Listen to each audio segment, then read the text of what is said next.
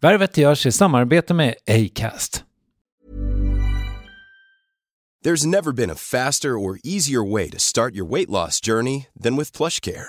PlushCare accepts most insurance plans and gives you online access to board-certified physicians who can prescribe FDA-approved weight loss medications like Wigovi and Zepbound for those who qualify. Take charge of your health and speak with a board-certified physician about a weight loss plan that's right for you. Get started today at plushcare.com slash weight loss. That's plushcare.com slash weight loss. plushcare.com slash weight loss. Hey, I'm Ryan Reynolds. At Mint Mobile, we like to do the opposite of what Big Wireless does. They charge you a lot, we charge you a little. So naturally, when they announced they'd be raising their prices due to inflation, we decided to deflate our prices due to not hating you. That's right. We're cutting the price of Mint Unlimited from $30 a month to just $15 a month. Give it a try at mintmobile.com slash switch. $45 upfront for three months plus taxes and fees. Promo rate for new customers for limited time. Unlimited more than 40 gigabytes per month. Slows. Full terms at mintmobile.com. Hey, it's Ryan Reynolds, and I'm here with Keith, co star of my upcoming film, If, only in theaters, May 17th. Do you want to tell people the big news? All right, I'll do it. Sign up now and you'll get unlimited for $15 a month in six months of Paramount Plus Essential Plan on us. Mintmobile.com slash switch. Upfront payment of $45 equivalent to $15 per month. Unlimited over 40 gigabytes per month. Face lower speeds. Videos at 480p. Active Mint customers by 531.24 get six months of Paramount Plus Essential Plan. Auto renews after six months. Offer ends May 31st, 2024. Separate Paramount Plus registration required. Terms and conditions apply if rated PG. Värvet sponsras av SAS Eurobonus och SAS Eurobonus Mastercard. Och det här är ett budskap som jag tänker kan vara bra för den som antingen gillar guldkant på till exempel tillvaron eller för den som gillar att slå två flugor i en smäll. Om jag tittar på vad jag gör av med under en dag så är det typ 85% mat. Kanske tar jag en kaffe ute och relativt ofta unnar jag mig en lunch men framförallt så handlar jag middagskäk och det blir nästan alltid ungefär 327 kronor. Och jag är förvisso med i alla mataffärers kundklubbar så jag får väl något slags luddig poäng på mina köp, men får jag poäng på allt, överallt? Jag får ju inte det och det är dumt, för visst, Eurobonus kan användas till resor, lounger och uppgraderingar, men otroligt mycket mer, som att bo på något av de 250 000 anslutna hotellen som finns att välja mellan. Perfekt om man vill ha en staycation med sin partner eller så. Få poäng på allt överallt och det börjar på SAS Eurobonus Mastercard.se. SAS Eurobonus Mastercard.se. Tack SAS Eurobonus och SAS Eurobonus Mastercard.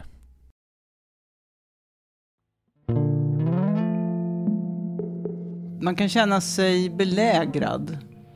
Som att de klättrar på, på en, på kroppen.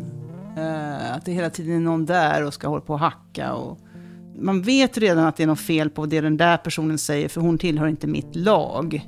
Och då ska jag hitta de felen och sen så presentera dem i så dålig dagar som möjligt. Mm.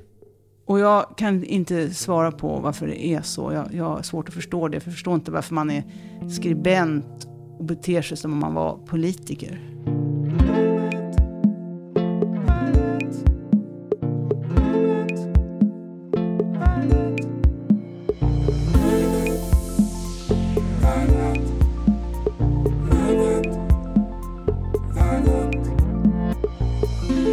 Är snart 25 år sedan hon debuterade som författare och även om hennes krönikor rönt stor uppmärksamhet har hennes krönikor fått det i ännu större utsträckning på senare år. Under 2023 har två stora debatter rasat och mitt i dem stod skribenten själv, Lena Andersson. Vad det kostar att bli angripen av andra i branschen, när krönikorna står i vägen för böckerna och huruvida hon blir klar med att skriva om kärlek, det avhandlas här inom kort, liksom hennes rykande färska bok Studie i mänskligt beteende. Här är Värvet med Lena Andersson. Du har den i fysisk form. Ja, ja. den ser ut så här. Ja, den är jättefin. Ja, mm. tack. Mm. Hur, hur anal är du med eh, liksom, omslag och korrektur? Och... Ja, mycket. Men det är, korrekturet blir ju fel ändå. Men, eh, har du hittat något redan? Ja, absolut. Eller det är andra som har hittat, men eh, det blir fel hur man än gör, någonstans. Men jag är noga eh, och eh, jag har väldigt mycket starka uppfattningar om hur ett omslag ska se ut. Mm. Och hur det inte ska se ut. Mm. Så där är jag väldigt medverkande. Okej. Okay. Och i det här fallet, är det, är, det en, är det Hopper själv? Ja, det är Hopper och det är jag som har valt bilden. Men det var förläggaren som tyckte vi skulle ha ett konstverk. Det har jag aldrig haft förut. Alltså ett, ett befintligt Mm. konstverk. Var det krångligt eh, juridiskt? Nej, det tror jag inte. Nej. Det tror jag inte. Han är ganska ofta på omslag. Hopper. Okej. Mm. Rimligt. Ja, Det är min farbrors favoritkonstnär om du ja, undrade. det, ja, det är många som... Som älskar honom. Ja. Va, Är, är din farbror känd? Eh, inte i, han konstnär? i extremt smala kretsar. Eh, nej, nej, Nej, han var, nej. han var f- affärsjurist tror jag det Jaha. heter. Mm, när han fortfarande arbetade. Eh, så var det kanske lite märkligt att jag nämnde honom. Men, men, men, nej, men, nej, men han är mycket omtyckt. Farbror Roland, ja. Nej, men för väldigt, av begripliga skäl. Ja. Det är väldigt exakt. Fint. Ja, men den, jag tänker mig också att den, den linjerar ju väldigt eh, fint med någon slags eh, ödslighet och ensamhet som på något sätt genomsyrar din bok. Mm, mm, mm, mm. Ja, men också vila. Hon är ju tillfreds där hon sitter. Även Mm. om hon kanske är svartklädd, hon kanske har sorg, jag vet inte. Det är ju inte tanken med boken, men hon är ju ganska i vila. Mm. Ja, just det. Vilket år är den från? Alltså boken är från 2023. så Ja, jag. Ja, vad kan det vara? 50-talet? Mm. Jag har faktiskt inte riktigt kollat upp. Nej. Det var jävligt dåligt om dig att inte göra det inför det här mötet. Kan lägga till det efteråt. Ja, vi fixar det i post. men du, eh, det kanske oartig fråga utifrån, men, men jag, får väl, jag får väl någonstans försöka leda i bevis att jag faktiskt har läst den. Men Mm. eh, jag vill ändå börja här. Vad skulle du säga att studie i mänskligt beteende är för slags bok? Det är en uh, skönlitterär bok till att börja med. Alltså prosa. Mm. Eh, fiktiv eh, prosa. Om människor som interagerar med varandra. Ständig interaktion, interaktion är det i denna Mm. bok. Och eh, vill, man, vill man komma åt mänskligt liv i, så måste folk agera med varandra. För att människan är en social varelse. Vi blir de vi blir, vi får tillgång till oss själva, till alla våra egenskaper och förmågor i relation till andra. Mm. Och det skildras här på något sätt. Det är alltså en skärva av detta förstås bara. M- men vad, varför titeln? Uh, av många skäl. Uh, själva, själva titeln som sådan, Studie i mänskligt beteende, den, den är nog ganska direkt inspirerad av, av Hitchcocks film Studie i brott, som den heter på svenska. Den heter ju Vertigo på engelska, så det är något helt annat. Men eh, jag, tyckte, jag såg den i vintras när jag höll på att skriva den här och tyckte att studiebrott... Studie, det är en bra, bra titel. Och sen är det varför tycker jag den är bra då? Jo, därför att eh, det är just en undersökning. Och jag är ju lite intresserad av den här tanken att eh, skönlitteraturen och den gestaltande konsten, alltså de gestaltande konsterna, är en kunskapsform eh, som föregår de vetenskapsgrenar som eh, har eh, tagit över kunskapssökandet av människan, alltså psykologi, sociologi, eh, beteendevetenskap, eh, kriminologi, eh, Eh, alla de här samhälls och humaniora-vetenskaperna som har uppdelats på små, på små, små fält så här, man avgränsat sig. Men, men skönlitteraturen eh, och i viss mån filmen, men jag tycker alltid skönlitteratur på något sätt är basen, alltså böckerna är basen, och litteraturen där kan man skildra människan i sin helhet. Och eh, göra det egentligen bättre, mer giltigt än vad de här vetenskaperna kommer åt med sina stränga krav på vetenskaplighet. Som inte riktigt passar där eller hör hemma i studiet av människan. Det är liksom en konstform på något sätt. Mm. Så det, det är lite det som jag syftar på också. Det här är, det är egentligen litteraturen som ska ha hand om människostudiet. Okej. Mm. Bland andra verksamheter. Men det lämpar sig rätt bra för, för det. Det är en ganska stor kostym och fylla när du säger på det sättet. Jo, jo, en författare gör det ju inte. Nej, nej. Men eh, som helhet så, så, är det, så är det i hög grad litteraturen och konsten generellt som man går till.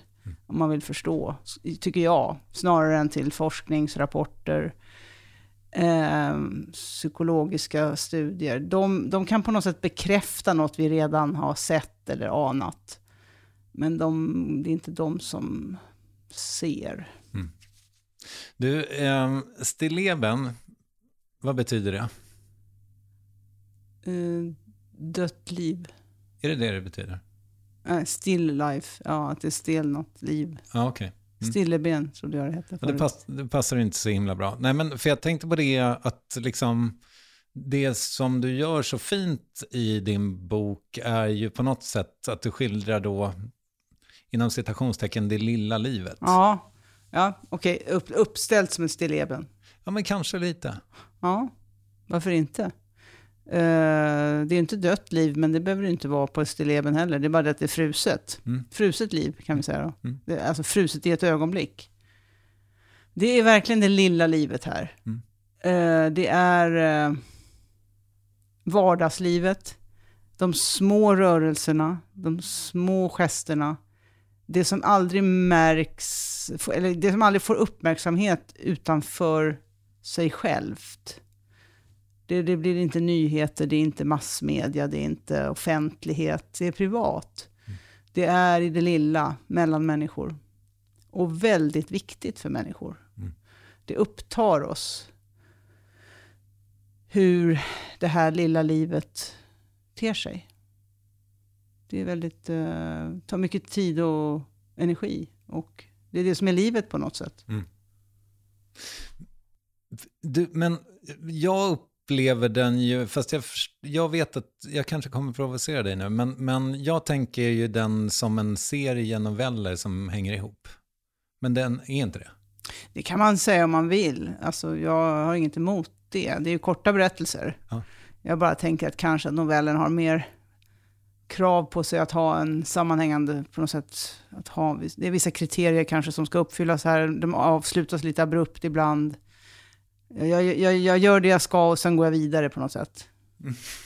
Så att jag, jag kallar dem inte det, men det, det, går, det går utmärkt. Mm. Som en beskrivning av vad, konsumentupplysning. Ja. Ja. Jag, jag tycker det är väldigt elegant, för de, det, är, det är liksom som ett slags eh, stafettpinne, lite som Robert Altmans short story, som jag kommer ihåg den rätt. Mm, shortcuts. Shortcuts, förlåt. Ja, Mm. just det. Mm.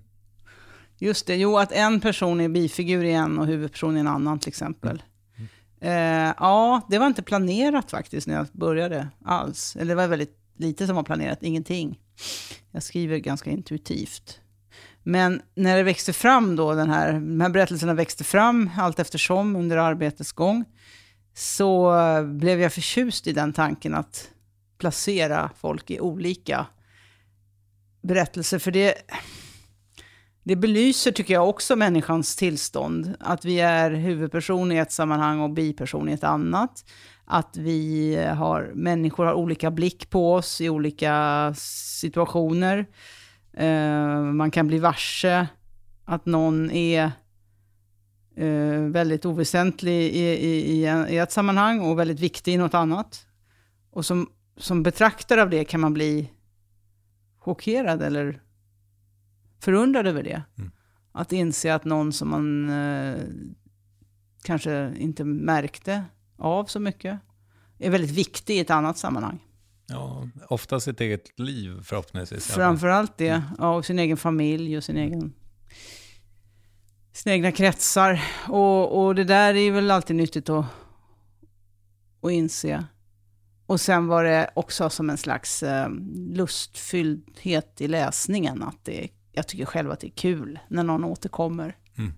på det här sättet.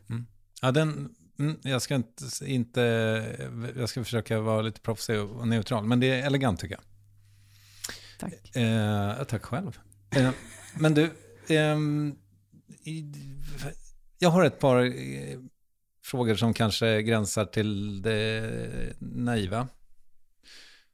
Men jag tänker mig att det på sätt och vis ändå är en bok om kärlek. Mm. Det är det ju. Det är Mm. många, många berättelser, ja. Blir du någonsin klar med kärleken? Nej, det, det blir man inte. Det, det hoppas jag verkligen inte. Men däremot att skildra den eh, kanske man inte gör varje gång. Det måste, då, då måste det finnas någon, någon, någonting att berätta på något sätt. Och det här började med, en, med den rena kärlekshistorien som finns i den här samlingen. Eh, som heter Märta, heter den väl va? Där Märta och Theodor, det är lite tillbaka i tiden, det är 74. Bra år. Många stora människor som föddes då. Ja, och eh, det, det, var, det var första, den första jag skrev. Eh, så det var någon sorts utgångspunkt och eh, ett fundament för hela berättelsen faktiskt. Därför att deras dotter sen har en viktig roll i, i, en, i andra berättelser här. Och sen är det andra som har goda relationer och mindre goda. Eh, man kan säga att de som har, de som har en god kärleksrelation här i, de, i den här boken, de har någon slags motstånd i ett yttre tryck. Då är det motståndet kommer utifrån. Och är, är, annars så är ju motståndet inne i relationen. Man måste ju ha, alltså litteratur går ju inte att läsa eller fiktion går inte att skapa om det inte är, är på det sättet att det finns friktion någonstans. Och då, då måste det vara yttre eller inre tryck. Så nej, man blir inte klar med kärleken för det är ju ett av mänsklighetens stora teman. Men jag ville skriva just den här Märta och Theodor-historien då. Eh, om en, en kärlek som faktiskt är lyckad och bra och inte har några förbehåll när de väl får varann. Mm. Eh, eftersom eh, skildrandet av litteratur, eller av kärlek i, i, i film och litteratur en, en, går ju gärna mot den trasiga och det, det som inte lyckas, eftersom då blir det dramatik. Mm. Och det är det man också kanske tycker är intressant av det skälet, att skildra. Det är svårt att skildra lycka. Eh, jag skulle säga att det inte går egentligen. Men här är Men det ju då in- ångest fram tills de blir lyckliga. Men är det inte det att det är svårt att vara lycklig på riktigt? Alltså över tid? Eh, det var inte min tanke där. Min tanke är att de faktiskt är ganska okomplicerat lyckliga. Alltså de är harmoniska. Mm, just det. Ja, men det är väl en annan Men det går inte att sak skildra. än lycka. Nej, jag tycker inte det. Nej, okej. Nej, jag tycker lycka och harmoni är samma sak. Mhm. Lycka är det här euforiska, det är ju, det är ju med, med nödvändighet kort Exakt. och ganska, ganska jobbigt. Mm. Så jag skulle inte säga att det är lycka. I- alltså jag, vill säga att lycka är att inte ha olycka. Mm, just det, frånvaron av ångest. Så Ja. Mm. det är lycka. Det är har- harmoni och glädje i, i, i en vardaglig lunk. Det är den verkliga lyckan. Okej. Man är inte lycklig, eh, för det är ju nästan ett jobbigt tillstånd. Alltså det är väldigt krä- energikrävande. Ja, vi ska prata mer om Men energi. harmoni däremot är ju det man strävar efter. Hur är det med din harmoni? Den är bra. Okej. Är du säker? Ja, Mm. inte varje dag. Nej. Det finns ju alltid små, små besvärligheter i tillvaron, men på det stora hela är den mycket bra. Du hade en skrivdag idag, eller igår, förlåt. Eller idag också kanske? Ja, idag också. Mm. Ja. Mm. För, Hur, på förmiddagarna. har du alltid lätt att skriva? Nej, aldrig eh, Okej. skulle jag säga. Mm. Men, eh, men jag skriver ändå. Jag, sitter, jag har mina timmar jag skriver. Mm. Så jag skriver på förmiddagarna. Hur långa är dina skrivpass? Ja, det kan växla. Det beror på vad jag är i en process. Eh, om jag påbörjar en ny bok, då är de inte långa. För då är det ett vitt papper. Och det, det är ganska hemskt. Så då, då kan jag vara nöjd om jag kanske, jag kanske sitter där i några timmar. Men eh, det är ganska oroligt och rastlöst och mycket kolla mejlen och andras hemsidor och, och, och, och, och sånt där. Förstörelse och brist på koncentration. Men det, jag ser det inte som en flykt så mycket som eh, att det är så, det är så jobbigt att skriva. Att man, man måste göra det man kan. Man får ta de här pauserna. Så bara jag sitter vid så blir det någonting. Så jag, så jag ser det som en eh, vila mellan intervaller på något sätt. Mm. Sen om jag är längre fram i en arbetsprocess, en bok börjar bli klar eller närmar sig något slut eller någon färdig form, då kan jag sitta mycket längre. Då kan jag sitta, då sitter jag ibland sex timmar, kanske mer. Skriver jag krönikor eh, sitter jag också ganska länge, för då, var de dagar jag skriver, för att eh, då har jag en deadline som är obarmhärtig. Eh, men jag försöker att inte sitta sitta bara för att sitta där. Det kan komma till en punkt när det börjar bli sämre av att jobba vidare. Mm. Och då, då tar jag med, med glädje ledigt. Men var, var det du som pratade om det här eller var det någon annan som pratade om att det, det, liksom när, man, när man börjar stryka, det där måste man vara lite försiktig med? Mm, det har jag pratat om. Okay. Mm. Att eh, efter en viss, det är någonting med att hjärnan blir trött. Och då börjar jag stryka sånt som jag nästa dag saknar. Okay. Mm. Då har jag blivit för sträng, eh, för otålig och tycker för mycket att det här vet alla redan. Bara för att jag har läst det flera gånger. Mm. Bara för att jag tycker att det inte behövs. Eller för att jag blir irriterad på min text. Och då är det dags att sluta. Då har jag jobbat en timme för länge. Mm. Så det är ju ingen idé att göra det.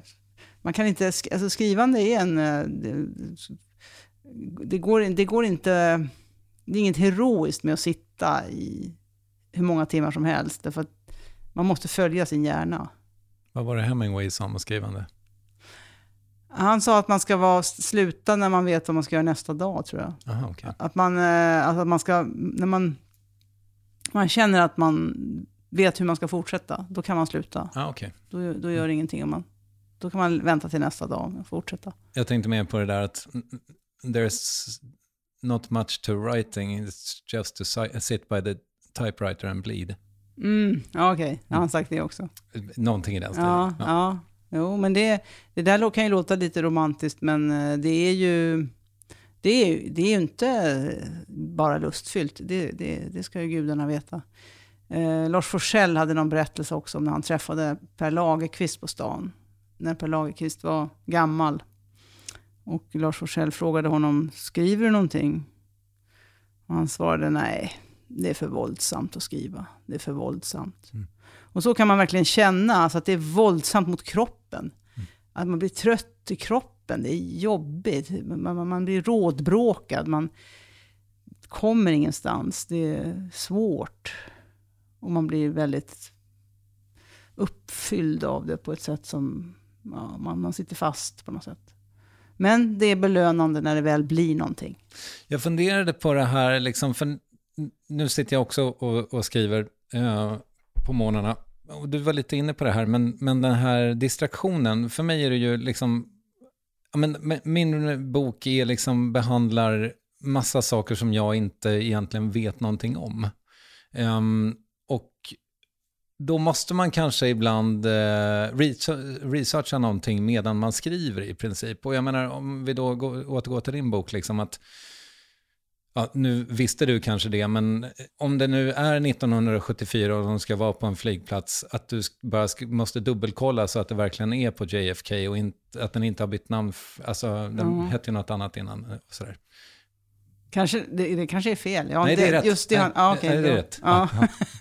men, men, men alltså, så, alltså, tillåter du dig den uh, utflykten? Så att oh, säga? Ja, oh, ja, jag, helt, jättemycket. Mm. Jag, jag kollade på hur Pat Nixon var klädd uh, den där dagen, mm. vad hon hade på sig. Det finns ju på YouTube bilder av när, för det är den, hon kommer till USA den dagen som Nixon avgår. Mm. Så jag kollade noga vad hon hade på sig på de här bilderna och så, för det står någonting om det. Och det gör jag mycket, men jag researchar väldigt lite innan. Jag researchar just när behovet uppstår av att tanken har fört mig dit, eller impulsen eller intuitionen av vad det nu är. Mm. Och då kollar jag upp att jag inte har helt fel. Men är det liksom, för nu tycker inte jag, jag reagerade inte på det, men alltså när man skriver om fiktiva människor med en helt annan bakgrund än en själv så att säga. Um, alltså du har uh, franska människor till mm. exempel med i din bok. Litauiska, ja. ja. Hur, hur, alltså ställer det, alltså var det krångligt? Nej. Uh, det har ju funnits en debatt om det där, att man inte ska göra så. Men uh, det här är kanske ett inlägg i den debatten då, om man så mm. vill. Mm. För det här är väldigt många olika nationaliteter. Eh, nej, jag påstår att det finns två sådana här fransyskor. Jag påstår att det finns en ryska som är på det här sättet som jag skriver. Och jag tänker att eh, det, är, det här är just sådana mänskliga beteenden som är universella. Mm. Och eh, i, i, i, det, i skönlitteraturen handlar det om individer, så att eh, det finns alltid en, om inte annat. Och det tycker inte jag är något problem. När, när blir det där problematiskt då? Jag menar, jag hamnade i en diskussion på Way Out West nu kring straighta skådespelare som spelar homosexuella. Borde castingagenterna och regissörerna vinnlägga sig om att de liksom hittar en homosexuell karaktär, eller skådespelare för att spela en homosexuell karaktär? Jag vet inte vad de borde göra, men jag, jag tycker att man ska klargöra för det första om det där är en facklig fråga eller om det är en konstnärlig estetisk fråga. Mm. Är det för att man vill ha jobb åt den här gruppen, så är det en sak. Men det här med tolkningsföreträde ger du inte mycket för? Då? Eh, det kan finnas tillfällen när det, är, när det är relevant. Men det är ju aldrig så att eh, en person från en grupp vet allt om alla i den gruppen i alla fall. Eh, det finns korsande identiteter. Det finns eh, saker som även, även den personen inte har upplevt. Sen kan det finnas något i kärnan av, eh, av erfarenheten säkert. Som eh, är, är, möjligen, som är, som är så centralt och så svårt att förstå sig på om man inte har haft, nu talar jag generellt då, inte mm. bara om homosexualitet, men generellt om olika grupper. Men eh, egentligen ska en skådespelare klara av det. Egentligen vad den är. Att uh, de ska kunna spela en elefant. Mm. Uh, en, något annat djur också. Om det behövs. Alltså därför att det... De iakttar, de ser, de... Så ja, det där är ju en mycket komplicerad diskussion som handlar om väldigt mycket annat än estetik. Mm. En sak som kanske inte är så jättevanligt förekommande är ju att du får prata om din humor. För du är, du, du är ju rolig. Ja, det är bra. Tycker du att det är, är, det, är det, känner du dig missförstådd på den punkten? Nej, det är inte avsikten att vara rolig, så det, det har inte, och det har påpekats ibland. Eh, men det är ju inte precis så det låter när, man, när jag som samhällsdebattör diskuteras. Det låter ju som att jag dessutom inte vet någonting om vad det är att vara människa. Mm. Och det är ju meningen, att jag ska framstå som en robot och som en maskin och som en iskall, obehaglig varelse utan humor. Det är ju syftet med själva smädelserna. Mm. Um, Nej, men, men, men inte just vad gäller humorn, för det är inte riktigt syftet. Eller det är inte alls syftet. Okay. Uh, så det, det, är bara en bonus i så fall. Det, det, alltså när du då liksom i, um, nu minns jag tyvärr inte vad stycket heter, men, men den här klassåterträffen när du redogör för allas efternamn eh, mm. före och efter liksom, äktenskap och så vidare. Ja, just det. Eh, det tänker inte du är roligt när du skriver det? Nej, inte det. Nej, okay. eh, det tänker jag, ja, kanske lite lustigt, men inte så att man skrattar, tänker jag inte. Det gjorde man. Ja, det är bra. Ja, det, det gör ingenting. Jag tänker att det är, eh, sätter något annat i belysning. De är, alltså, eh, Malin Lindman Lohman, eller vad hon heter, och Eh, Jag känner ju för övrigt Malin Lohman. Eh, nej, det gör jag inte, men jag, jag, jag, ja, det är väldigt många i min vänskapskrets som känner Malin Lohman just. som, någon som heter så? Ja, någon som heter så. Okej, Ja. ja. det är inte jag. Hon kanske hör Men, sig nu. och, och just nu har jag faktiskt glömt vad de heter. De heter... Eh, men då står det så här, Jenny Malmgren heter hon va? Mm. Född Olsson. Mm. Ja. Och sen så är det någon som heter, som man fortfarande heter. Och då- blir det också kul. Ja, just det, född eh, samma då. Mm. Det- är ju, alltså det där är ju, fram till nyligen har det varit kvinnan Mm. som byter namn. Och därmed upphör att vara den hon var en gång. Eh, så att det, det är nog för att belysa något annat. Att eh, träffas man på en klassåterträff så är tjejerna är inte längre de samma. De har bytt namn ofta om de har gift sig. Och har de inte gift sig så är väl kanske det ett problem för dem. Mm. Det, var, det var något jag bara kom på att jag skulle göra just med den här klassåterträffen. För det är enda, enda gången det, det handlar om det. Och själv kan jag ju inte, absolut inte tänka mig att byta namn. Vad som än skulle hända. Mm. Eh, för att detta är så jag. Mitt namn är jag. Så jag skulle aldrig, aldrig kunna byta namn. Men om, om du skulle, nu kanske du har gjort det, men om du skulle ha- glömma bort vad jag heter och kalla mig för Torbjörn nu, Ja. skulle jag inte vara jag då längre? Eh, jo, för mig.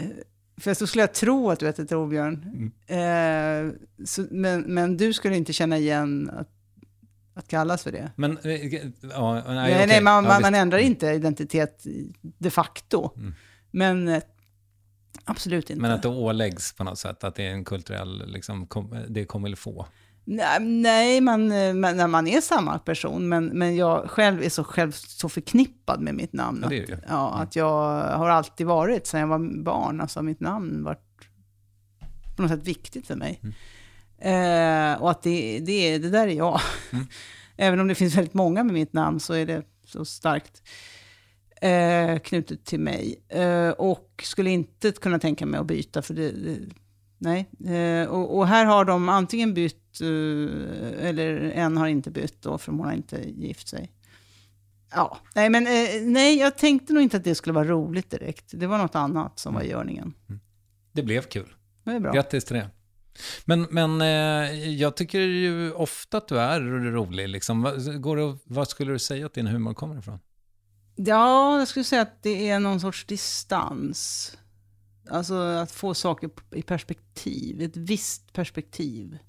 Då kan det uppstå humor. Att man sätter ihop saker på ett lite överraskande sätt och in, med, med rätt avstånd. Eh, nå, någon, något överraskningsmoment måste det väl vara också. Man känner igen att, ja just det, så är det ja, men det kanske är någon lite rapphet i en mening, att den, den är snabb, och så sätter den ihop tillvaron, inte på ett felaktigt sätt, men på ett lite ovanligt sätt. Uh, och det, så att det uppstår någon sorts överraskningseffekt och en ovanlighet i hur det beskrivs. Jag har någon mening där, någon, där det står att en, en av kvinnorna har rökt för mycket och fått obstruktiv lungsjukdom. Och den andra har stått för mycket och fått en trasig höft. Mm. Det är väl en sån där lite överraskande mening på något sätt. Och på, med en viss distans och en viss eh, kyla blandat med värme tror jag. Okej. Så, och du svarade inte riktigt, nu beskrev du den, men du, Ja. säger inte vad den, du har inte berättat var den kommer ifrån. Du menar eh, i mig alltså? ja, när, när, har du alltid varit rolig? Eh, jag, jag har nog alltid varit som jag är. Likadan alltså. Ja, okej. Det, det, det är nog inte alls alla som tycker att jag har varit rolig i umgänge och sådär. Men ja, fast jag har haft många vänner jag har skrattat mycket med. Det, det, det, vi har verkligen skrattat mycket. Eh, jag, har, ja, men jag har varit likadan jämt, tycker jag. Mm. Och det är nog en blick eh, på världen. Mm. S- ja, att man ser världen i ett visst ljus. Eh, jag skulle behöva mer tid och det skulle, ta, det skulle bli fördröjande om jag skulle försöka analysera det mer. Mm. Då måste du klippa bort en massa saker. Mm. Mm. Jag har inte tänkt på det så mycket. Men kommer du från ett eh, roligt hem? Nej, Nej. inte alls. Okej.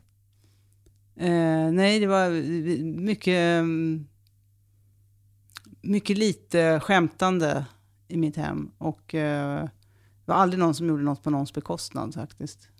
Vilket jag är tacksam för. Allt som är kul behöver inte vara på någon nej, det bekostnad. behöver det inte heller vara. Nej, precis. Även om jag kanske har haft en del av det i mitt liv. Mycket humor är ju på någons bekostnad, men det måste ju inte vara det, nej. Det kan vara att det är en absurditet också i tillvaron. Självklart. Mm. Jag, det, det är väl det, tror jag, som finns i, min, i den här blicken då, som jag pratade om. Att, det, att man ser när det blir lätt absurt. Mm. Och att vi ändå trampar på i det här absurda. Vi fortsätter. Och, och eh, godtar det. Mm. Vi har inte så mycket val heller. Nej. Men, men eh, du var ju lite på det här. Jag, jag är ju ganska nyfiken på det här liksom kring, alltså när du pratar om hur, eh, vad ska man säga, dina motståndare inom citationstecken liksom mm, tänker sig dig som en robot. Jag menar, det tror jag inte de gör. De eh, men de- framställer mig som. ja, framställer dig, förlåt. Mm, det finns folk som vet att jag inte är sån som framställer det så. Okej. Men eh, för det man tänker på, mm, alltså så här, när jag har pratat med människor om att jag ska träffa dig så är det ju, det som verkar oändligt fascinerande är ju din orädsla för att liksom ställa dig i, i ett hörn där alla andra inte är. Ehm, men det du säger nu är att det kostar, eller? Ja, det gör det. Mm. Absolut. Det är mycket obehagligt. Eh, det, det går inte att komma ifrån. Alltså elakheter kostar alltid på. De är obehagliga. Och obehaget med det är att man undrar, man, jag undrar varför. Alltså var, varför vill man det där? Eh, det, finns, det finns så många andra sätt eh, om man ska skriva i offentligheten. Eh, men man väljer den där formuleringen och det, det angreppssättet.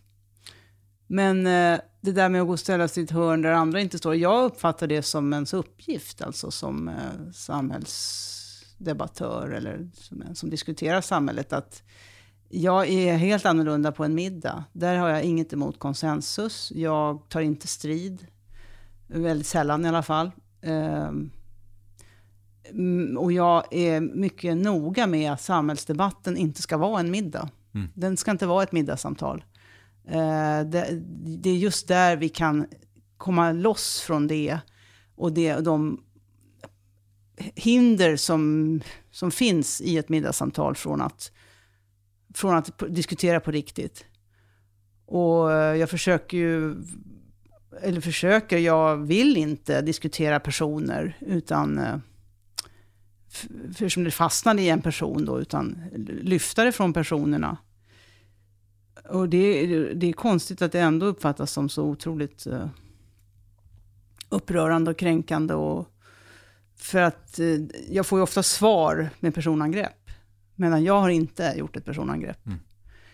Men det, så det, det är en, den här uppfattningen har jag haft från början, ända innan jag började vara i offentligheten. Att det är så man gör där. Det är, den, det är det den är till för, att man ska kunna diskutera saker som man inte kan, kan säga till eh, vänner eller när man ska ha en trevlig stämning. Det är det den är till för. Och det, det är väl eh, fantastiskt att eh, du orkar det, men jag menar om det kostar så mycket varje gång du hamnar i blåsväder, hur, alltså, det låter ju som transaktionen är, är skev. Mm, det, det är den också. Ja, det är, väl därför, det är väl därför vi har den debatt vi har. För att det är för jobbigt. Det är för obehagligt. Det är för meningslöst. Det, det, blir, det blir ingenting heller. Det, det händer ingenting med, med eh, idéutbytet. Utan man, man står kvar, man klubbar ner varandra och sen så står vi kvar där vi stod. Ingen har lärt sig någonting. Du som är något äldre än jag betydligt mer beläst, liksom, var samhällsdebatterna elegantare förr i tiden? Nej, jag, är inte säker på att de var det. Ehm, Tingstens Ja, alltså- avrättningar så att säga. Ja, precis. De satte en ära i att, vara, att förolämpa. Mm. Och, och jag måste säga att jag aldrig har förstått det där. Jag, jag, det är många som kluckar förnöjt över sådana där roliga avrättningar av någons person i skrift. Och jag har aldrig riktigt förstått vad, vad, vad poängen med det är, eftersom det inte tillför någonting. Det är bara att vinna, det, det är något slags försök att vinna. Så de var nog inte elegantare eller bättre förr. Men eh, ändå tycker jag att det aldrig har varit sämre än nu.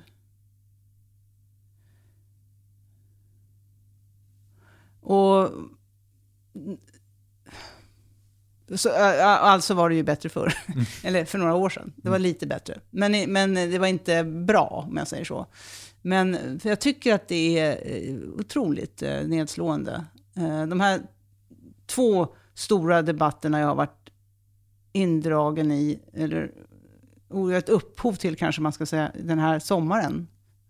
På, för, på vår, sen, försommaren och nu på sensommaren.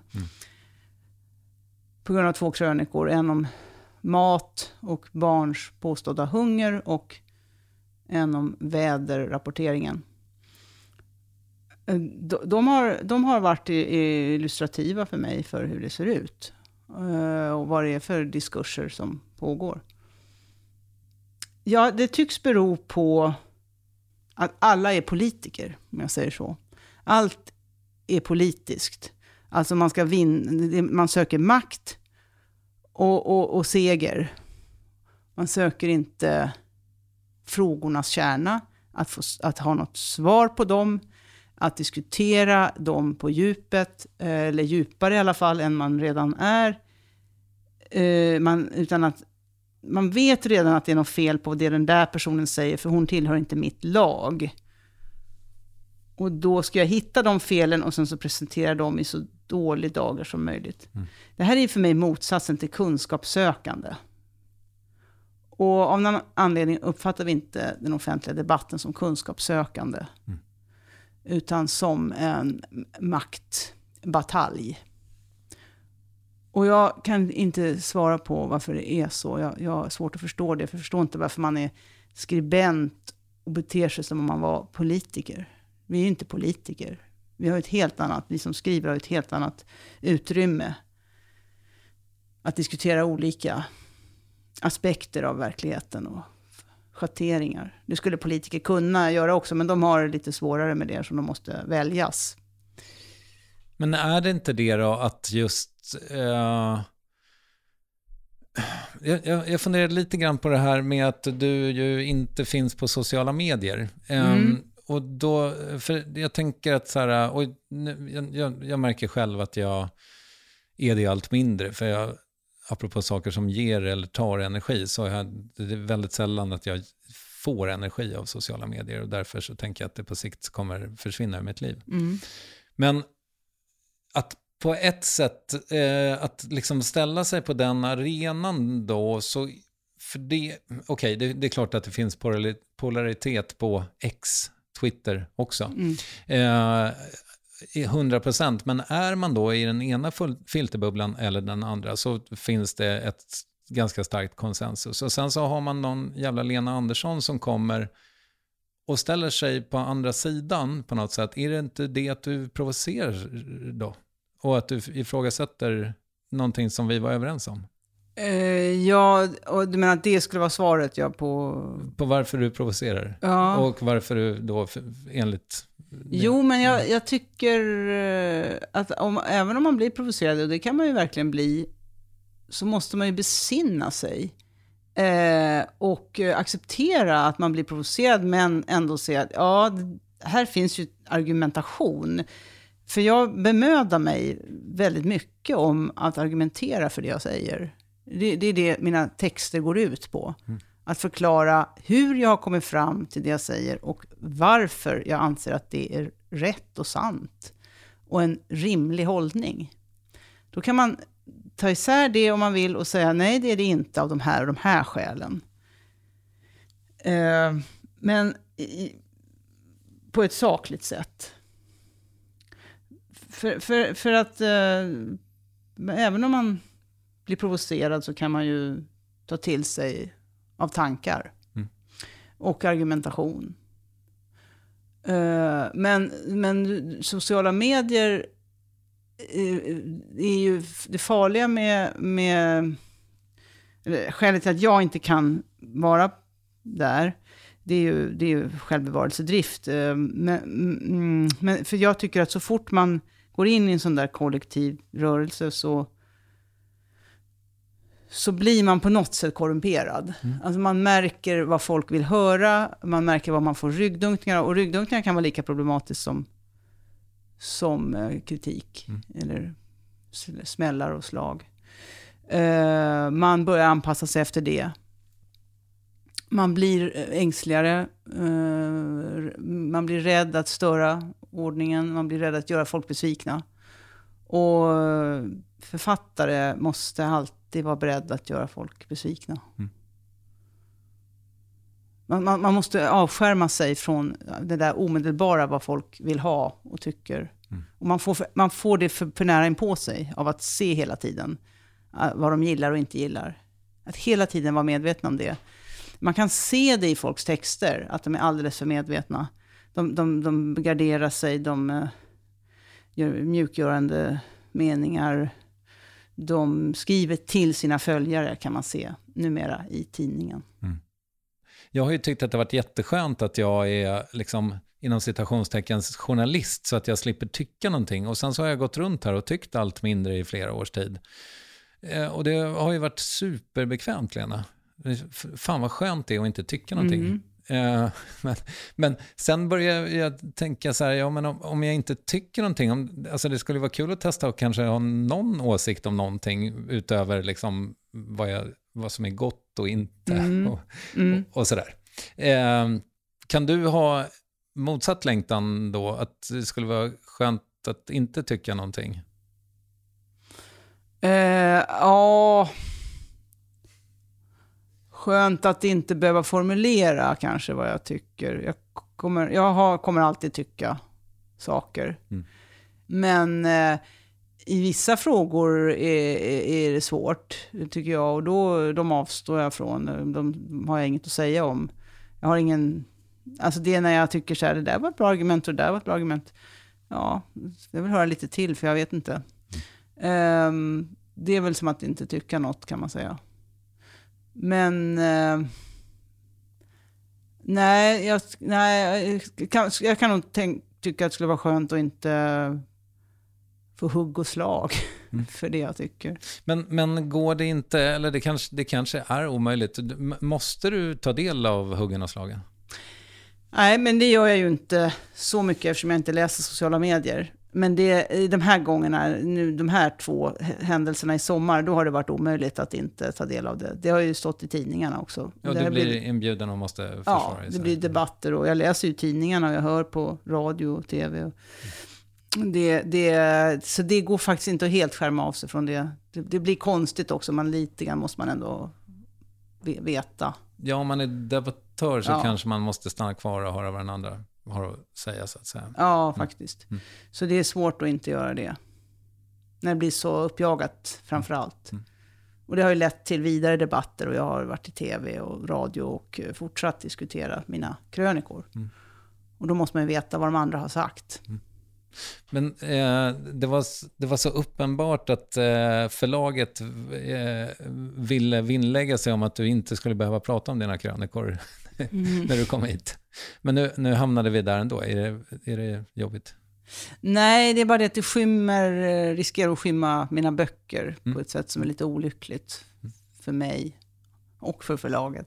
Men skulle du inte kunna, eller det, det kanske är en finansiell fråga, men skulle du kunna säga, äh, men vet du vad, det kommer en bok om ett halvår, jag, jag tar tjänstledigt nu från tidningen. Ja, eh, absolut. Eh, jag tar ibland ledigt eh, för att skriva, framförallt skriva klart böcker. Det kan man göra, men eh, jag känner, har väl känt att eh, det är ett åtagande jag har gentemot min redaktör och sådär. Som, eh, det är inte bara att hoppa av hur som helst, när som helst. Men när, det, när då drevet går, så att säga, kan du beskriva liksom hur, hur ser ditt kynne, hur, hur, hur blir dina dagar? Um, man kan känna sig belägrad. Som att de klättrar på, på en, på kroppen. Uh, att det hela tiden är någon där och ska hålla på och hacka och klaga. Och, det kan komma, folk tar sig rätten liksom att skicka mejl och sådär. Bara för att de har min mejladress. Uh, något oförskämt. Det är inte, jag får inga grova hat och hot och sånt där har jag inte fått. Men, men eh, mucka gräl på något sätt. Mm. Så man, man inte, det kan hända något när som helst, känns det som. att Man är inte fri, man är inte ledig från... Alltså led, ledig, med det menar jag att jag skriver mina krönikor, sen är jag ju ledig till näst, från dem till nästa gång i vanliga fall. Men då, då är det aldrig paus när sånt där händer. Mm. Utan eh, en belägringskänsla. Och att det kan komma något när som helst någonstans ifrån.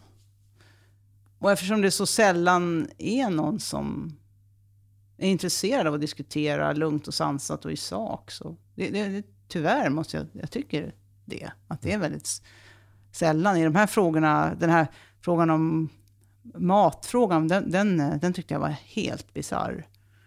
Hur den artade sig. Mm. Och att fyra av åtta partiledartal i Almedalen på något sätt hänvisade till havregryn, eller mat, och hunger, eh, som var alltså en månad senare.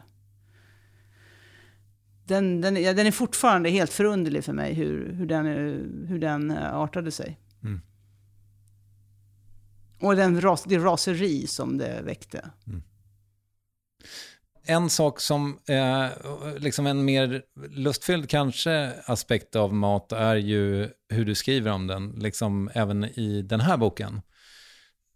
Och det, det är väl två aspekter av mat som går igen även i det här verket. Och det är ju liksom dels att eh, eh tänka på den eh, ur ett kanske osänt eh, perspektiv, men också ja, men det faktum att du, alltså du återkommer med vällust ofta till liksom rena eh, ingredienser ja. i princip. Ja. Och Kassi är med eh, mm. på ett hörn. En anrik restaurang i Stockholm ska sägas. Där de fortfarande har bricksystem. Ja, de har ja. brickor där, mm. precis. Men är det där liksom, är det, är det passion för dig att få skriva de där?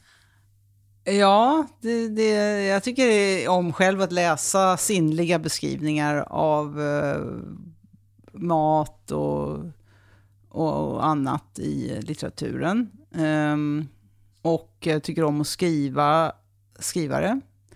Eh, därför att materien är ju viktig för oss, alltså vad, vad, vad, vad saker består av. Vad, hur det känns i händerna att ta på saker. Och, det får inte vara för mycket så att man fastnar i det, men um, det materiella beskrivningar, sinnliga beskrivningar. Men, men det ska, jag tycker gärna det får finnas där. Uh, det är också som en andningspaus när man läser. Mm. Um, så jag, jag, har alltid skrivit mycket om exakt vad som äts. Mm. Och uh, jag är alltid själv väldigt medveten om vad jag äter och hur det känns att äta det. Och mm. har alltid varit. Så det är naturligt för mig. Mm. Var äter du helst själv? Alltså... Hemma. Och om du ska gå på restaurang? Eh, om jag ska gå på restaurang så går jag helst på eh, enkla restauranger som, eh, alltså gärna indiskt och så. Eh, för då, då vet jag vad jag får. Jag vet vad, hur mycket jag får. Mm. Eh, jag blir inte negativt överraskad för det mesta. Mm. Eh, det är inte för dyrt. Och det är inte någon som har velat vara kreativ åt mig när jag ska bara äta. Ja, just det. Jag tycker om kreativitet, men eh, just med maten. Den är, den är mer för mig rustik och den är beständig på något sätt. Rör inte min råbiff, så att säga. Nej, men jag, alltså, det med råbiffen har ju förföljt mig, men jag, Ja, jag äter det. väldigt lite råbiff. Eh, det var ju bara för att det var ett roligt exempel. Mm. Det rör inte min uh, Korma. dal. Ja, okej. precis. Jag fattar, men, men typ så här, alltså fine dining intresserar dig? Nej, Nej. det är för lite. Okej. Jag blir inte mätt. Och eh, då förstår jag inte hur hungrig jag ska vara när jag går dit. Mm. Och, och jag, jag tycker inte det är gott om det inte... Det enda som är gott när man inte är hungrig, det är ju sötsaker. Mm. Och ska jag äta sa- salta saker, alltså mat, alltså man säger att mat är salt, och, eh, då, då... Jag kan inte äta det om inte jag är hungrig. Det finns ingen anledning på något sätt. Eh, Så jag har, jag, har en, jag har en mycket sinnligt förhållande till mat, men det är, det är ju också väldigt nyttobetonat. Alltså, mat är ju näring och det ska göra mig mätt och jag ska bli tillfreds och nöjd. Så jag kan inte hålla på att äta när som helst. Då, då tappar jag helt koncepterna. Nej men alltså att så att säga vid en jämn födelsedag boka bord på Franzén för att du har råd och lust. Det skulle inte hända. Eh, jag skulle vara orolig för att inte bli mätt. Eh, och för att eh, få... Att det ska bli fel i min kropp. Okej. Jag, jag, det är väldigt lätt att det blir fel för mig när jag äter. Är du känslig för... Ja, mycket. Ja. För eh, hur, hur, det upp, hur, hur min kropp tar emot maten. Okej. Eh, just eh, eh, mättnad är, är absolut primärt. Och, sen, och så är det smak förstås. Och så är det konsistenser. Mm. Eh, och så är det att det blir rätt mängd eh, i magen. Och, eh, och att, framförallt att känna tillfredsställelse efteråt. Alltså, man, man ska inte bara vara mätt, man ska vara nöjd också. Och det har med smaklökar att göra och hur det kombineras. Så att det, var, det var ju därför jag skrev om den här hungern. Det var därför jag blev, var intresserad av den debatten. Därför att ordet hunger för mig är något mycket specifikt. Och eh, jag anser att det ska vara något specifikt. Orden måste betyda saker. Vi måste på något sätt vara överens om. Och om jag har fel i min betydelse, eh, vad jag, hur jag tycker det ska betyda, så får väl någon säga att jag har fel i det då. Men, men eh, de som säger nej, det betyder klassklyftor, det har jag faktiskt ingen respekt för, för det, det är inte samma sak. Så att jag blev ju intresserad av att man använde just att barnen är hungriga. Okej, för det vet jag hur man avhjälper. Det, det kan man göra billigt också. Och eh, att man sa inte näringsriktigt särskilt ofta. Någon gång nämndes det, men det var väldigt sällan. Det var just hungrig, för lite mat. Eh, inte ha råd med mat på bordet, sådana saker. Så att nej, jag skulle inte gå till en sån eh, om jag inte förs- kunde vara säker på att det var ordentligt och på rätt sätt och sånt jag tycker om. Mm. Jag gillar eh, mer enkel och rustik, lantlig mat.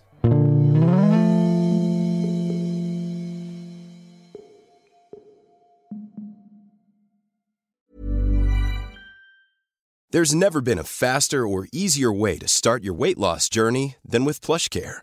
PlushCare accepts most insurance plans and gives you online access to board-certified physicians who can prescribe FDA-approved weight loss medications like Wigovi and Zepbound for those who qualify. Take charge of your health and speak with a board-certified physician about a weight loss plan that's right for you. Get started today at plushcare.com slash weight loss. That's plushcare.com slash weight loss. plushcare.com slash weight loss. Hey, it's Ryan Reynolds, and I'm here with Keith, co star of my upcoming film, If, only in theaters, May 17th. Do you want to tell people the big news? All right, I'll do it. Sign up now and you'll get unlimited for $15 a month in six months of Paramount Plus Essential Plan on us. Mintmobile.com slash switch. Upfront payment of $45 equivalent to $15 per month. Unlimited over 40 gigabytes per month. Face lower speeds. Videos at 480p. Active Mint customers by 531.24 get six months of Paramount Plus Essential Plan. Auto renews after six months. Offer ends May 31st, 2024. Separate Paramount Plus registration required. Terms and conditions apply if rated PG. Yes, ny sponsor. Värvet presenteras i samarbete med Svea Bank. Och jag menar inte att ta ner stämningen, men dessvärre är ju lågkonjunkturen här, vilket innebär att de flesta branscher har det tufft och också väldigt många privatpersoner. Jag vet själv vad det är att ha en trasslig privatekonomi. Det var struligt i många år för mig och låg ofta post i hallen med trista logotyper i ena hörnet och jag hade också i flera års tid ett helt gäng betalningsanmärkningar. Och tyvärr är det nog många som har det svårt att få ihop till räkningarna just nu, som har hamnat i ekonomiskt trubbel. Och det är här Svea Bank kan kliva in med något som kallas skuldfinansiering. Där löser de skulder hos inkasso och till Kronofogden och till och med om Kronofogden vill sälja ditt boende har Svea Bank möjlighet att hjälpa till. I den här tjänsten får du en personlig handläggare som gör en grundlig genomgång av din ekonomiska situation. De tar kontakt med dina kreditgivare och när ett lån beviljats löser de dina skulder åt dig och samla dem i ett enda lån med en avbetalningsplan som din ekonomi klarar av. För om du har hamnat i klister, du är inte ensam och kanske kan det här hjälpa dig. På svea.com skuldfinans kan du läsa mer. Tack Sveabank! Vi, vi var på lite eh, det här och nu är vi också det med energi egentligen. Alltså, hur medveten är du om, om din energi, vad som kostar och vad som ger? Eh, du menar mer andlig energi? Eh, alltså, Både och tror jag. du menar inte näringslära, utan du menar... Ja, kanske. Jag menar egentligen, eh, alltså som jag, jag tar ett litet utvik, men jag eh, går till en coach nu och då tittade vi på min morgonrutin och då visade det sig att liksom, det faktum att jag dricker kaffe direkt på morgonen, att jag ofta pluggar in eh, lurar och lyssnar på P1 eller på någon podcast, eh, att jag pillar på min telefon, antingen med sociala medier eller något dumt spel. Alla de där grejerna är ju negativa ur energihänseende. Ja, du menar sånt ja. Mm. Och jag tänker mig då att utifrån ditt yrkesliv också, du, det kändes som att du var väldigt medveten i den processen om eh, energi. Mm. Ja, jag är nog väldigt medveten om vad jag upplever och förnimmer i den vägen. Men jag är inte så bra på att eh, göra något åt det. Okej. Mm. Eh, alltså att, att eh, jag kan ta på mig för mycket. Väl vetandes att det här är för mycket. Mm. Eh, och vet inte hur jag ska ta mig ur det bara. Okej. Det, det bara blir så. Du Vet- tackar ja till för många Ja. intervjuer till exempel. Ja, eller? intervjuer tycker jag är speciellt, för det är inför en bok och sådär. Det, det, tycker jag man ska göra, även om det är jobbigt. Men, eh, men För- mer i förlåt. vardagen. Vad sa du? Förlåt. nej, men, eh, nej, men det är inte jobbigt. Det, det är inte jobbigt så. Det är kanske helheten som kan bli mycket. Ja. Men um, nej, jag kan, jag kan, alltså det livet, livet är ju som det är och det går inte att göra precis vad man vill hela tiden. För att man blir oartig, man blir, ohö, man blir ohövlig, otrevlig. Om man skulle göra precis som man ville. Boka av, strunta i saker, inte gå på den där festen. Det, kan också vara ett värde att världen inte blir ledsen. Att någon som vill att man kommer, att man gör det. Fast man vet att det kommer inte trivas jättebra. Så att det, det här är ju omöjligt att styra över. Men det är alltid bra att veta innan att det här, nu är det, det här kommer bli jobbigt. Jag kommer inte att trivas här. Och jag tänker innan ibland när jag, när, när- jag bokar så saker så, så, så försöker jag tänka så nej det kommer bli för mycket den där veckan om jag pressar in allt det här. Det, ska jag inte göra. Så att jag har en medvetenhet och en vetskap om hur jag reagerar. Men är inte alltid så bra på att uh, agera utifrån det. Hur är det med återhämtning då? Jag menar, jag, jag hittade dig här ute i, i trapphuset spelande sudoku. Är det liksom, är det ett sätt att återhämta dig mellan grejerna? Ja, sudoku på eh, online alltså. Eh, Digitalt sudoku. Det tycker jag är skön avkoppling. Det rensar huvudet. Det, det går åt ett helt annat håll än att hålla på med text. Eh, Så det gör jag ibland när jag behöver vila mellan eh, skriva och läsa exempelvis. För att skriva och läsa är på många sätt samma sak. Så att gå direkt från skrivande till att läsa någon bok som jag håller på med. eh, Det är för likt vartannat. Så då kan jag ta ett litet sudoku på tid. Sen kanske jag kan ibland titta på någonting. Men det är också, alltså någon film eller någonting, men det är ju också koncentration. Av, av liknande slag. Och sen så försöker jag ju röra på mig varje dag. Alltså motionera min kropp. Mm. ute? Nej, jag har ett litet gym hemma. Så jag gör det, jag, ibland, vissa dagar går jag inte alls ut, utan jag, jag gör det hemma. Och det är också väldigt bra. Det är praktiskt och snabbt. Men skulle du inte må bra av att se lite träd? Och... Det gör jag också då ibland.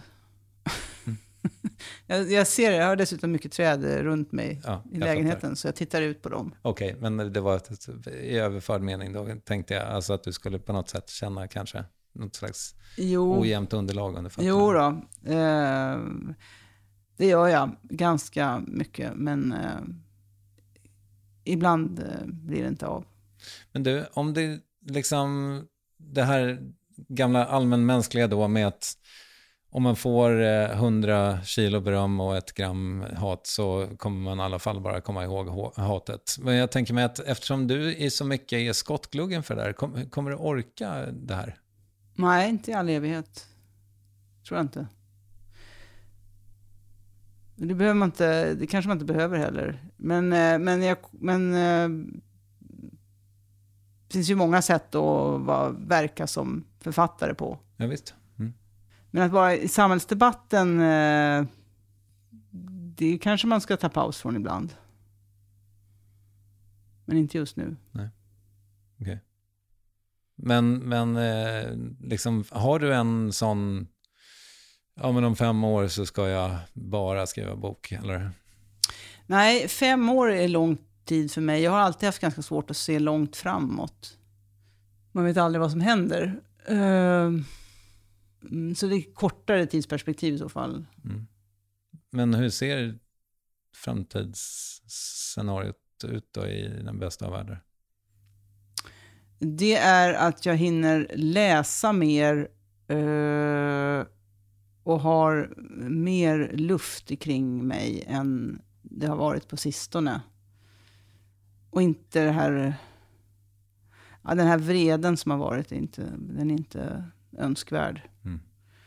Men jag måste skriva om det som upptar mig. Annars kan man låta bli lika gärna. Så det är ju svårt att na- navigera om man vill ha både och. Eh, ju, närmaste tiden ser jag bara att jag ska, kommer prata om min bok, eh, komma ut den här hösten och prata om den så mycket jag kan. Den intresserar mig jättemycket eh, att eh, diskutera.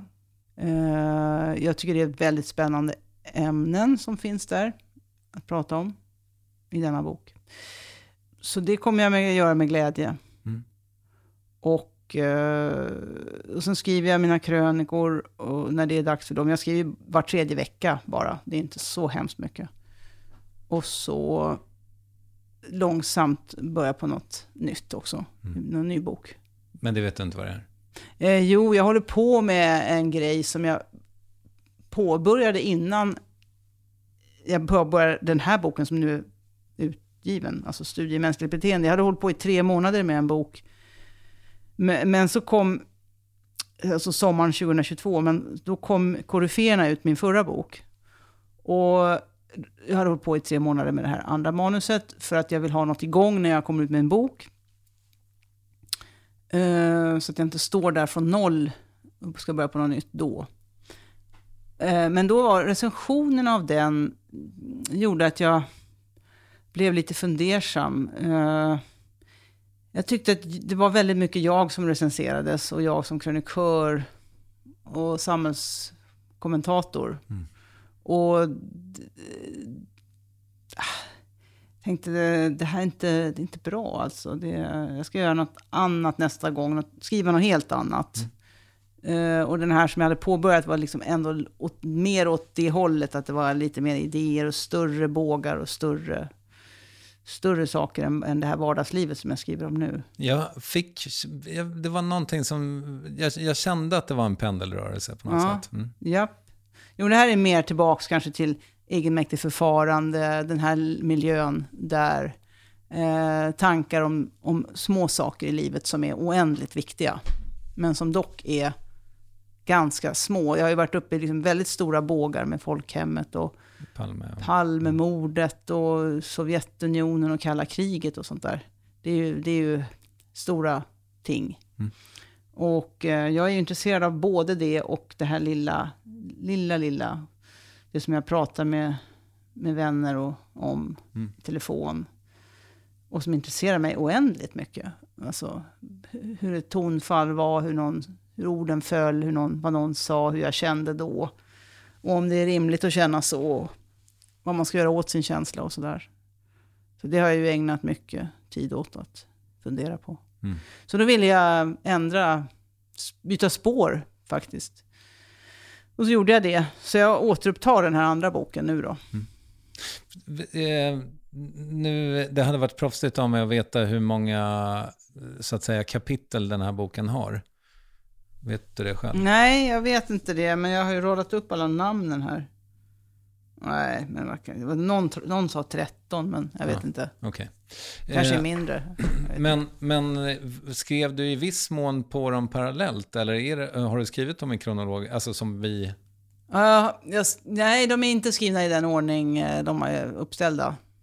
Jag, jag gjorde sen, när jag hade skrivit, när jag hade skrivit en massa på det här manuset, då, då bestämde jag en ordning på dem. För att sen skruva åt det sista och göra den färdig. Så att ordningen blev en del av, av boken. Den blev en viktig del, hur det här skulle vara ordnat. Eh, just eftersom de också återkommer i olika berättelser.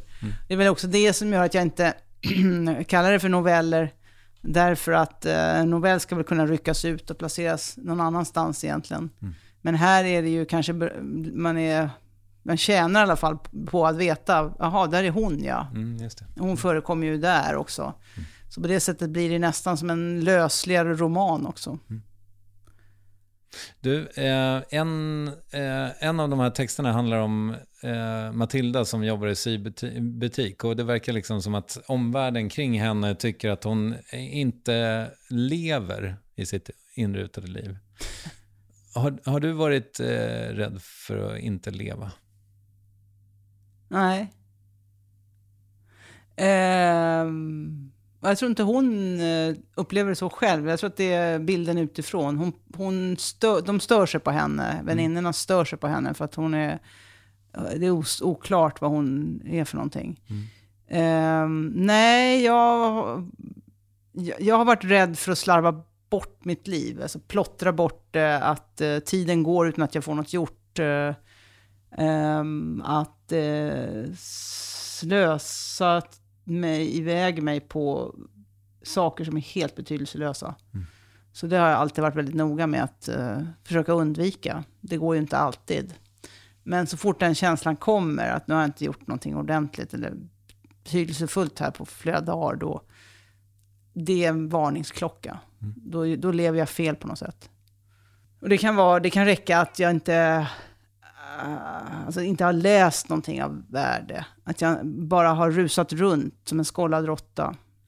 Och gjort saker som inte har något bestående i sig. Någon, det, det gör inget för mig. Utan det är bara någon slags små plikter eller sånt som i och för sig måste göras. Men jag försöker att... Det måste finnas mening där hela tiden. Vad händer annars då?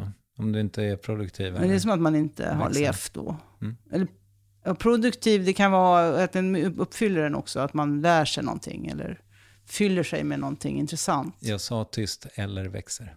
Ja, vad bra. Ja, precis. Eh, vad som händer då är bara att det känns eh, förslavande. Ska du inte vara värd, eh, ska du inte vara värd att älska även om du inte gör ett piss? ja, men det handlar inte om att bli älskad. Eh, det jag pratar om nu. Eh, Av dig själv kanske? Ja, det handlar om sin egen alltså känsla av mening. Att fylla sitt liv med någonting som är meningsfullt. Och det, det är lätt hänt att, att livet passerar utan att eh, utan att det känns som att man har gjort något meningsfullt. Och, och jag är ju... Alltså av det skälet är jag också väldigt ointresserad av just, vi pratade om lycka förut, av eh, att söka rus eller eh, den där typen av glädjestunder kan man ju ha, men de, de kommer ju nåd med, de kommer när de kommer. Eh, Jag, jag, jag, alltså jag har alltid varit mer intresserad av mening än av eufori eh, eller, att, eller flykt. Jag är totalt ointresserad av knark och sådana här saker som, där man domnar bort och försvinner och blir någon annan än sig själv. Mm. För det är för mig som att kasta bort tid. Så då finns det liksom inget... Eh, jag var på dig lite om, om planer och sådär förut. Det finns inget... Det finns inget nirvana? Eh, nej. Um, det gör det inte. Det finns inget... Jag längtar inte efter något annat. Uh, uh, jag, har alltid, hela mitt liv har jag faktiskt, uh, alltså mitt medvetna liv, varit väldigt så här på det klara med och uppmärksam på att livet måste ske i vardagen hela tiden. Alltså det måste vara där det, det meningsfulla livet är. För att eh, man kan inte hålla på och vänta på att sen ska jag göra det och sen ska jag... Om jag bara, om jag bara har det eländigt nu så ska jag sen få vila mig eller komma till paradiset. Jag har ju inte någon paradis tro på något sätt. Um, alltså varken överför bemärkelse eller konkret. Mm. Och det, det, är en, det är en väldigt uh, stark, eh, viktig sak för mig. Att, att det, är, det, är inte, det är inte nuet direkt, utan det är mer eh, hur livet är. Man måste ta vara på det. Så nej, nej, nirvana är inte för mig. Dessutom är ju, det är ju bara, där är det bara också någon slags, det är ju slappt och löst. Det är det värsta jag vet, alltså när det är slappt och löst. Så att eh, alltså man bara ligger och flyter i någon slags, ja det är någon slags rus, mm. är väl tanken. Man är färdig med allt, man ska inte göra någonting. Det, det, det är något upplöst. Och det har jag ju inte något intresse av då, då önskar jag dig inte det. Eh, men jag, jag tänker ändå på en grej som du skrev för länge sedan i en, en bok som blev ganska berömd. Att eh, person, huvudpersonen har som mål att en dag förstå hur allting hänger ihop. Och jag Var det Ester? Ja, jag tänker mig att hon ganska mycket är du. Men, men har du inga illusioner av att förstå hur allting hänger ihop längre? eh, men jag tror jag kommer längre än hon. Ja, du, du är väl äldre? Precis. Ja. Eh, nej, men jag har, jag har ett hum om hur, uh, hur det hänger ihop, har jag ett hum om, okay. numera. Mm. Eh, alltså det betyder inte att man vet saker och ting, utan det är mer att man förstår, förstår saker och ting. Mm. Eh, och där, där, där tillägnar jag mig lite bit för bit, men inom ramarna för något som jag nog redan anser stämmer. Mm. Så att eh, det, det, är mer bara att arbeta vidare i samma anda. Mm. Vilka är dina läsare? Eh, det är väl en ganska blandad skara, men väldigt mycket de här kulturbärande kvinnorna i eh, min ålder och uppåt. Jag är 53.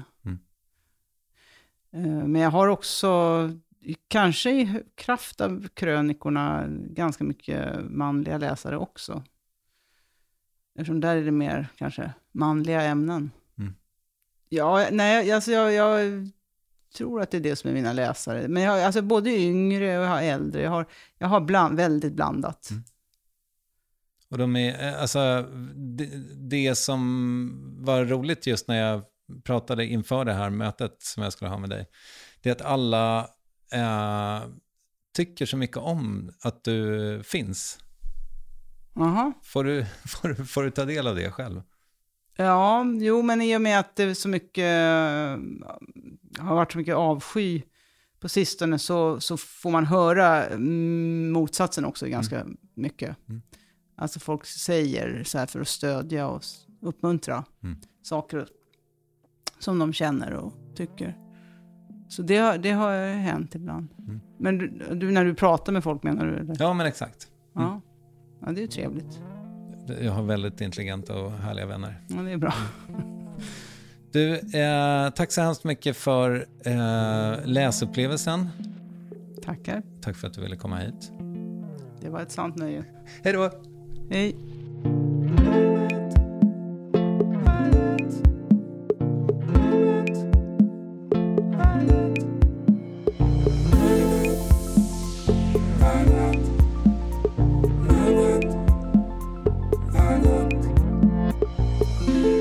Studie i mänskligt beteende finns ute nu. Läs gärna den. Värvet fortsätter också att servera talkshow på Instagram och i veckans upplaga blir det uppsluppet. Missa icke. Eh, vilken kroppsdel är du mest nöjd med? Värvet görs av Ninni Westin, Kristoffer Triumf och Acast och nästa vecka kommer äntligen Adam Lundgren till ateljén. Missa inte det heller. Tack, hej!